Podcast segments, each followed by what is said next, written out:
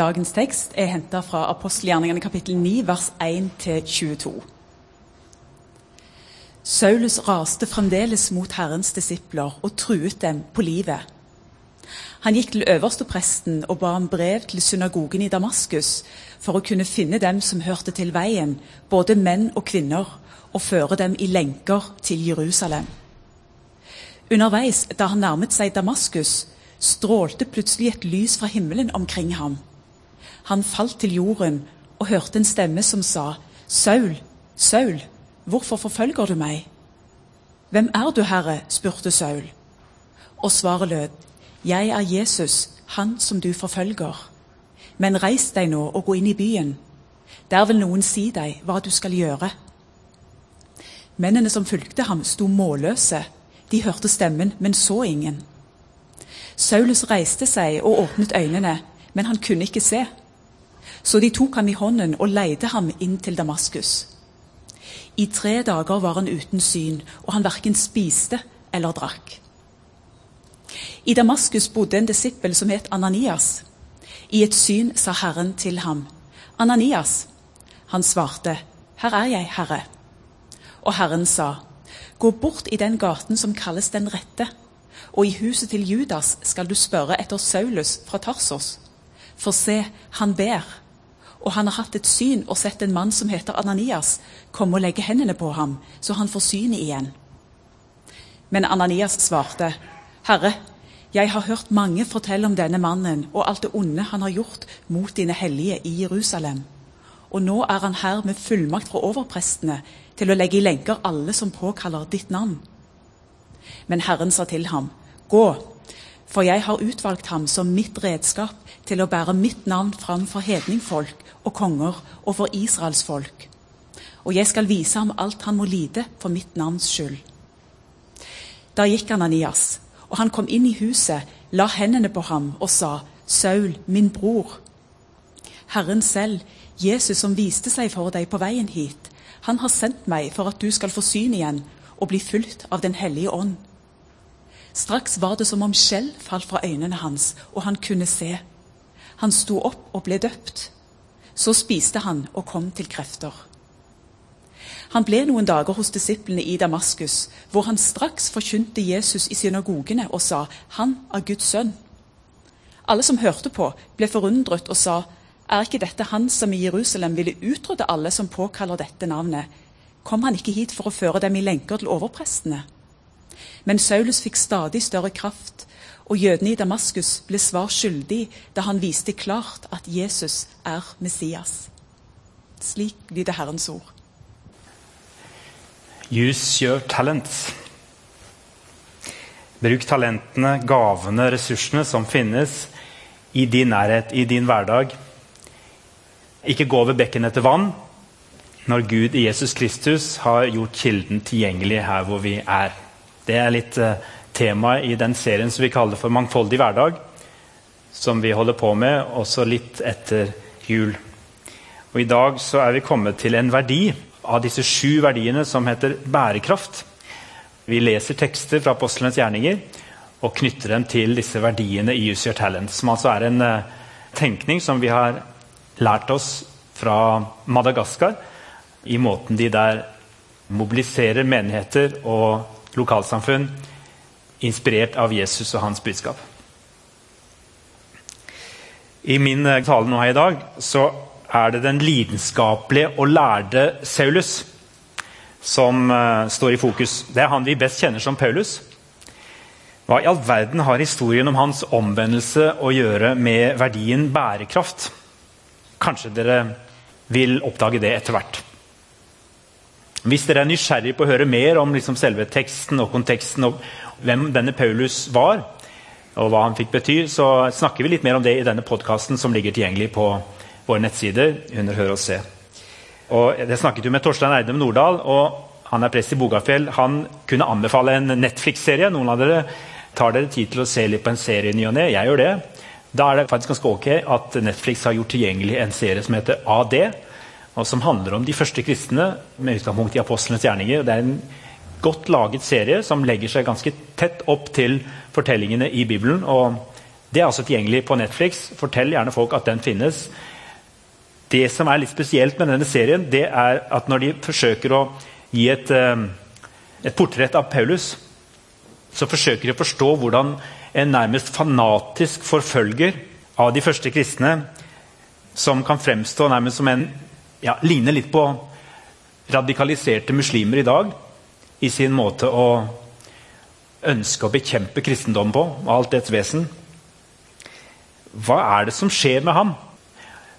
Og hva var det som gjorde at Paulus var så lidenskapelig og ivrig etter å utslette dette? her? Hva var det som på en måte traff han så hardt at han ikke bare holdt seg på avstand og var skeptisk, men gikk inn og ville ta kristne til fange, og også godtok at de ble drept? Nesten som et slags sånn, et sinne på Guds vegne. Og hva handla det om? Det var jo egentlig litt rart, for en kunne vente at Saulus var en som forventet at Messias snart skulle komme. Han ventet på Messias, sånn som alle jøder. Han visste alt om profetiene i Det gamle testamentet. Og Som andre jøder levde han midt i den mange århundrer lange adventstiden som eh, Israels folk hadde levd med helt siden de første profetene begynte å si det kommer en ny David, en Messias. Gud skulle sende en Messias som skulle forløse og frelse sitt folk. Hvorfor var det så vanskelig for Saulus å tro at Jesus var den Messias som han tross alt gikk og venta på? I TV-serien spekuleres det om dette kan ha sammenheng med hvordan Jesus hadde valgt å åpenbare seg, og hvem han valgte å åpenbare seg for. Og jeg tror kanskje de kan ha rett. Saulus var en høyt utdannet skriftlærd og fariser. Han hadde sittet ved den fremstående læreren Gamalies føtter, studert Skriften i mange år. Han eh, ville sikkert i vår tid lett vært en som eh, hadde gjort karriere som eh, professor på et velrenommert universitet. Med doktorgrader både i teologi og juss. Men hvem var denne Jesus? Jesus han var en tømmermann, sønn av en tømmermann. Sannsynligvis hadde han brukt det meste av livet sitt før han ble 30 år på å snekre og bygge hus, eller hva han nå brukte sine egenskaper til. Flott yrke på alle måter. Men han var et ubeskrevet blad for de aller, aller fleste, og i hvert fall for eliten i Jerusalem. Når han plutselig i 30-årsalderen står fram ute i provinsen Galilea, fattige Galilea, og begynner å bevege seg og forkynne og undervise og gjøre tegn. Hvem var disse folkene som Jesus omga seg med? Og det var en gjeng fiskere. Det var en toller. En eh, mislikt yrkesgruppe på den tid. Og det var en selot, som hørte til en radikal politisk gruppering, som heller ikke var akkurat særlig populær blant de som var mektige i landet. Ikke minst hadde han mange kvinner i sitt følge. De pleide heller ikke å ha så veldig stor innflytelse i datidens samfunn. Hvordan skulle Saulus kunne ta dette på alvor?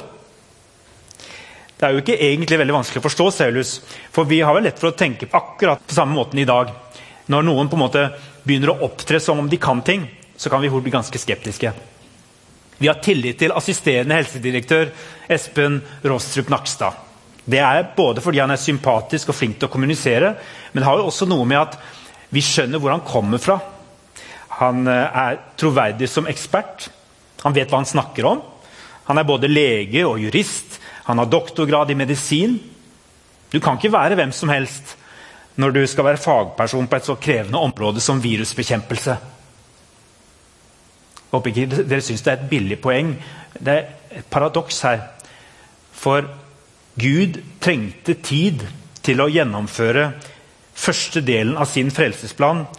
Og den handlet faktisk bl.a. om å spre et revolusjonerende budskap, nesten som en virus, i Israel.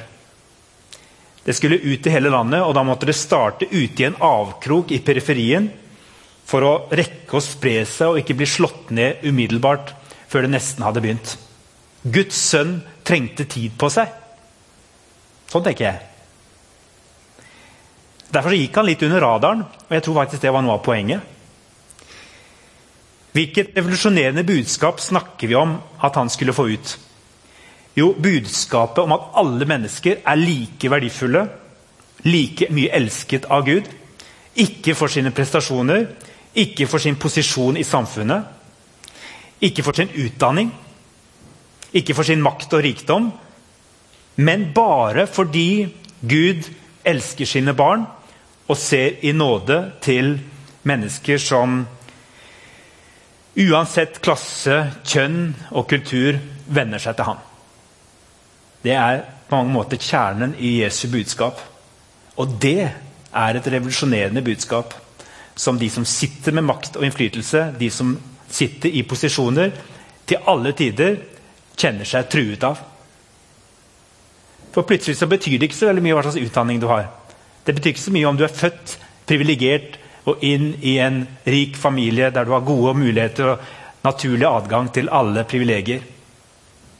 Det betyr ikke noe om du er født i et palass.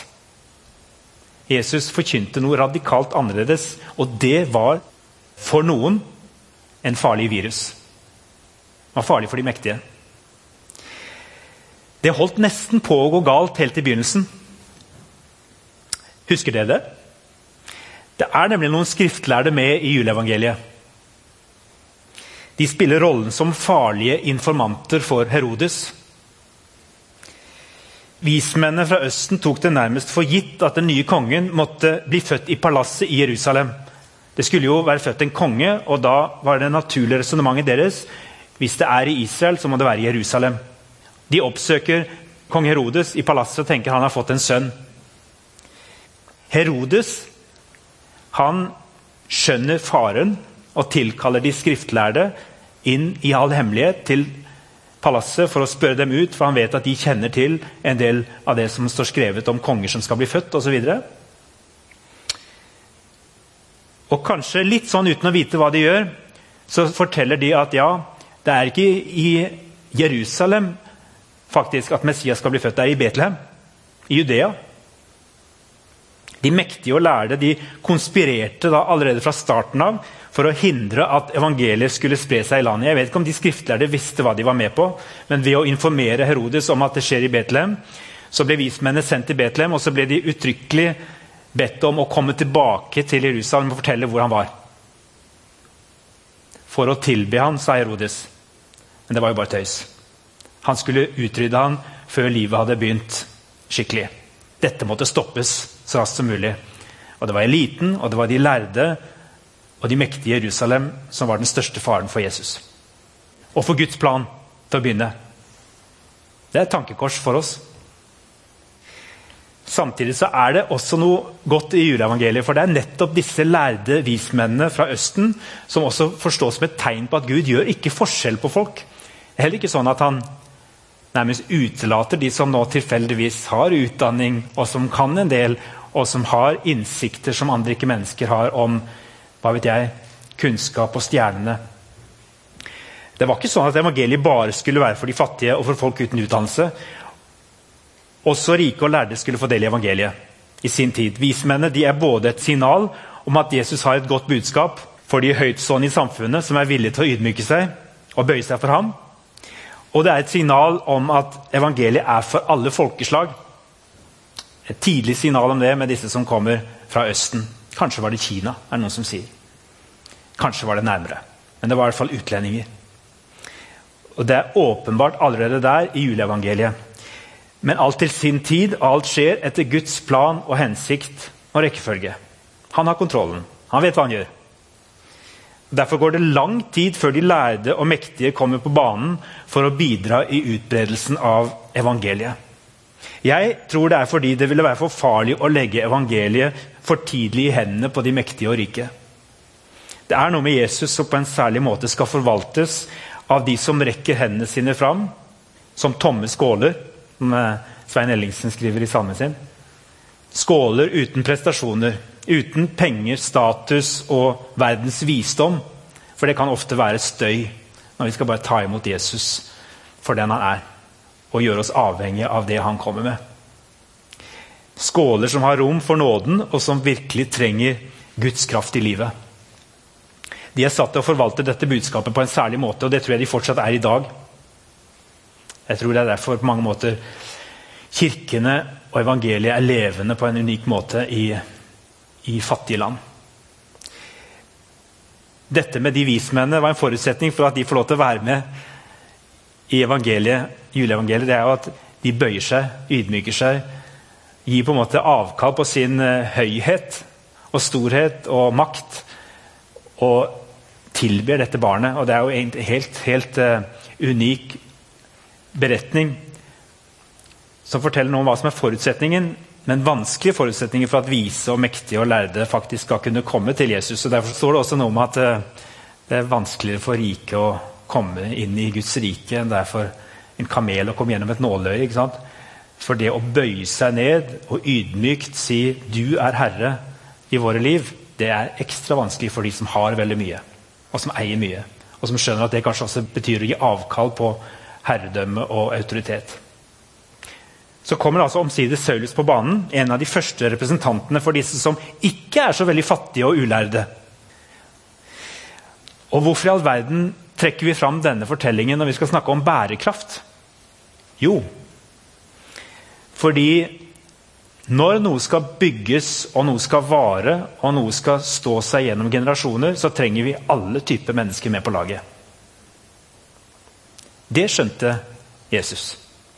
Så i sin tid kaller han denne opprøreren, denne forfølgeren, denne håpløse lærde som bruker mye mye lengre tid enn andre på å skjønne tegninga. Han må til og med møte han, treffe han ansikt til ansikt. Men han trenger faktisk Saulus i det han skal bygge. Han trenger også kunnskap, evne til å organisere og evne til å se langt fram, som kanskje til og med Peter og noen av de andre apostlene innså at eh, ja, der gikk Paulus dem en høy gang. Det er noe med dette som vi har lært om eh, nådegaver og utrustning. Noe man på en måte ikke plutselig blir så fokusert på det ene at vi glemmer det andre. Og det å anerkjenne hverandre. og Den øvelsen fikk de i den første kristne kirka. Det var egentlig litt vanskelig for dem å akseptere Paulus. Og dere la jo merke til det her også, Ikke bare fordi han var lærd og mektig, men også fordi han selvfølgelig opplevde som en trussel. Fordi han hadde jo vært ute etter dem. Så det går ganske lang tid før Saulus blir anerkjent som eh, den nye Paulus, misjonæren, som skal få betydning og få lov til å få autoritet i kirka. Men han får plass, og når han får rom og plass, så blir han også stående i ettertiden da, som kanskje den, en av de aller viktigste, ved siden av Peter og flere av de andre apostlene, som en av de viktigste lederne og lærerne i, i kirkens historie til alle tider. Han la grunnlaget for veldig mye av det som vi i dag snakker om når vi prøver å tolke og forstå hva Jesus skal bety for oss i vår liv. Kristenforfølgeren Saulus er egentlig på vei til Damaskus for å fengsle alle kristne. Så får han omsider lov til å møte Jesus, han også. Det skjer i et syn som kanskje ikke er så helt ulikt det de fattige gjeterne på Betlehemsmarkene opplevde en 35 år før. De så mange engler på himmelen, og senere fikk de møte Jesusbarnet. Paulus han møter Jesus i et kraftig lys på veien som gjør ham blind i mange dager. Og han hører stemmen 'Saul, Saul, hvorfor forfølger du meg?' Saulus er fariseer, og derfor tror han både på syn, på muligheten for at oppstandelse kan skje. Det trodde fariseerpartiet på. Han tror på tegn og under, og han tror at Messias skal komme. Så Han er ikke sånn sett en sånn moderne skeptiker. Han ville bare ikke akseptere at det var Jesus denne fyren ut fra Galilea som var den Messias. og Derfor hadde han også vanskeligheter for å forstå at han ikke bare døde på et kors, men at han også sto opp igjen fra de døde. Men nå møter Jesus han, og det gjør Jesus av og til. Noen av oss får aldri se Jesus på den måten som Paulus fikk, men det er en del mennesker som får det. Og når han hører denne stemmen, så bare skjønner han med en gang at han må svare. Og Hvordan svarer han? 'Herre, hvem er du?' Adonai Jeg vet ikke hva slags ord han brukte, eller om han brukte det greske 'kyrios'. Men det er det ordet som på en særlig måte er Guds eget navn. Og Derfor så forstår vi her at Paulus sånn intuitivt skjønner at han har med Gud å gjøre. Og så svarer denne stemmen og sier, 'Jeg er Jesus, han som du forfølger'. Det er ganske fantastisk. Jesus setter seg inn i den autoriteten. Han bekrefter den herreautoriteten som Paulus gir han. Og Det er også forutsetningen for at til og med Saulus kan bli en eh, Paulus, en forkynner, en Kristus-misjonær, en leder. Fordi han der og da ydmyker seg og tar imot Jesus som herre og frelser. Og Seinere er det et paradoks som du ser gjennom alt det som Paulus skriver. Et paradoks er at Han er veldig klar over at det ikke er visdommen hans som bærer han og som frelser han. Det er ikke verdens visdom og det er heller ikke kunnskapen om loven, men det er bare Jesus Kristus. Og gjennom den, eh, det filteret som Kristus er, så kan han også forstå Skriftene på en ny måte. Og Derfor er han veldig bevisst på sin rolle, og han er ikke sånn, sånn norsk som setter sitt lys under en kjeppe og sier at 'jeg kan ingenting'. Jeg. Så, eh, og, nei da, Paulus er veldig selvbevisst, og ganske fort så tar han plass og sier 'dette er min overbevisning', jeg har noe å undervise dere om', 'jeg har opplevd hvem Jesus er, og dette må jeg få fortelle dere', og jeg har skjønt også mer enn mange av dere andre. Han var ganske selvbevisst. Det er paradokset. Og jeg syns det er flott tror noen av oss kanskje er litt for eh, beskjedne på egne vegne hvis vi opplever at Gud har gitt oss gaver og talenter som vi skal bruke. Og så Samtidig så balanserer han det så fint. Flere ganger så sier han noe om verdien av verdens visdom. Og Derfor så leser jeg også det, for at dere får med dere hvor viktig det også var for Paulus. Den erfaringen som han hadde gjort seg av at det var ikke han som fikk evangeliet først. Det var de fattige og ulærde som kom med tomme skåler. Derfor kunne han si for ordet om korset er dårskap for dem som går fortapt. Men for oss som blir frelst, er det Guds kraft. Det står jo skrevet 'Jeg vil ødelegge de vises visdom', og de klokes klokskap vil jeg gjøre til intet. Hvor er da de vise? Hvor er de skriftlærde? Hvor er denne verdens kloke hoder? Har ikke Gud vist at verdens visdom er dårskap? For da verden ikke brukte visdommen til å erkjenne Gud i hans visdom, besluttet Gud å frelse dem som tror, ved den dårskapen som vi forkynner. For jøder spør etter tegn. Grekere søker visdom. Men vi forkynner en korsfestet Kristus. Han er en snublestein for jøder og dårskap for hedninger. Men for dem som er kalt, både jøder og grekere, er Kristus Guds kraft, Guds visdom. Årskap er visere enn menneskene, og Guds svakhet er sterkere enn menneskene. Dette var Paulus sine ord i første Korinterbrev. La det være et ord til dere inn i eh, juletida, inn i advent, resten av adventstida, og vi skal feire jul i år. Vi skal absolutt ikke legge vekk all deres kunnskap og menneskelig visdom, for Gud kan bruke det i sin eh, plan til å bygge og til å gi det vi holder på med, også her i menigheten og i Sandnes, bærekraft, så det kan vare lenge. Samtidig så vet vi at uh, frelsen, den tar vi bare imot i uh, tomme hender. Skal vi be. Takk, Herre Jesus, for det du lærte oss, og det du har vist oss. Takk for at du fikk 30 år på deg, Jesus, til å forberede ditt virke og til å gjennomføre din frelsesplan, til å begynne på det som du skal fullføre. Takk for at alt skjer etter din hensikt og din plan. Hjelp oss til å få lov til å tjene og leve i dette. Og takk for at vi er elsket som barn av Gud, uansett bakgrunn, kultur, kjønn og klasse. Takk for at vi får lov til å være her alle sammen, uansett hvem vi er, hvor vi kommer fra og hva vi kan, og hva vi får til. Kom, Immanuel. Vær hos oss. Vær med oss. Amen.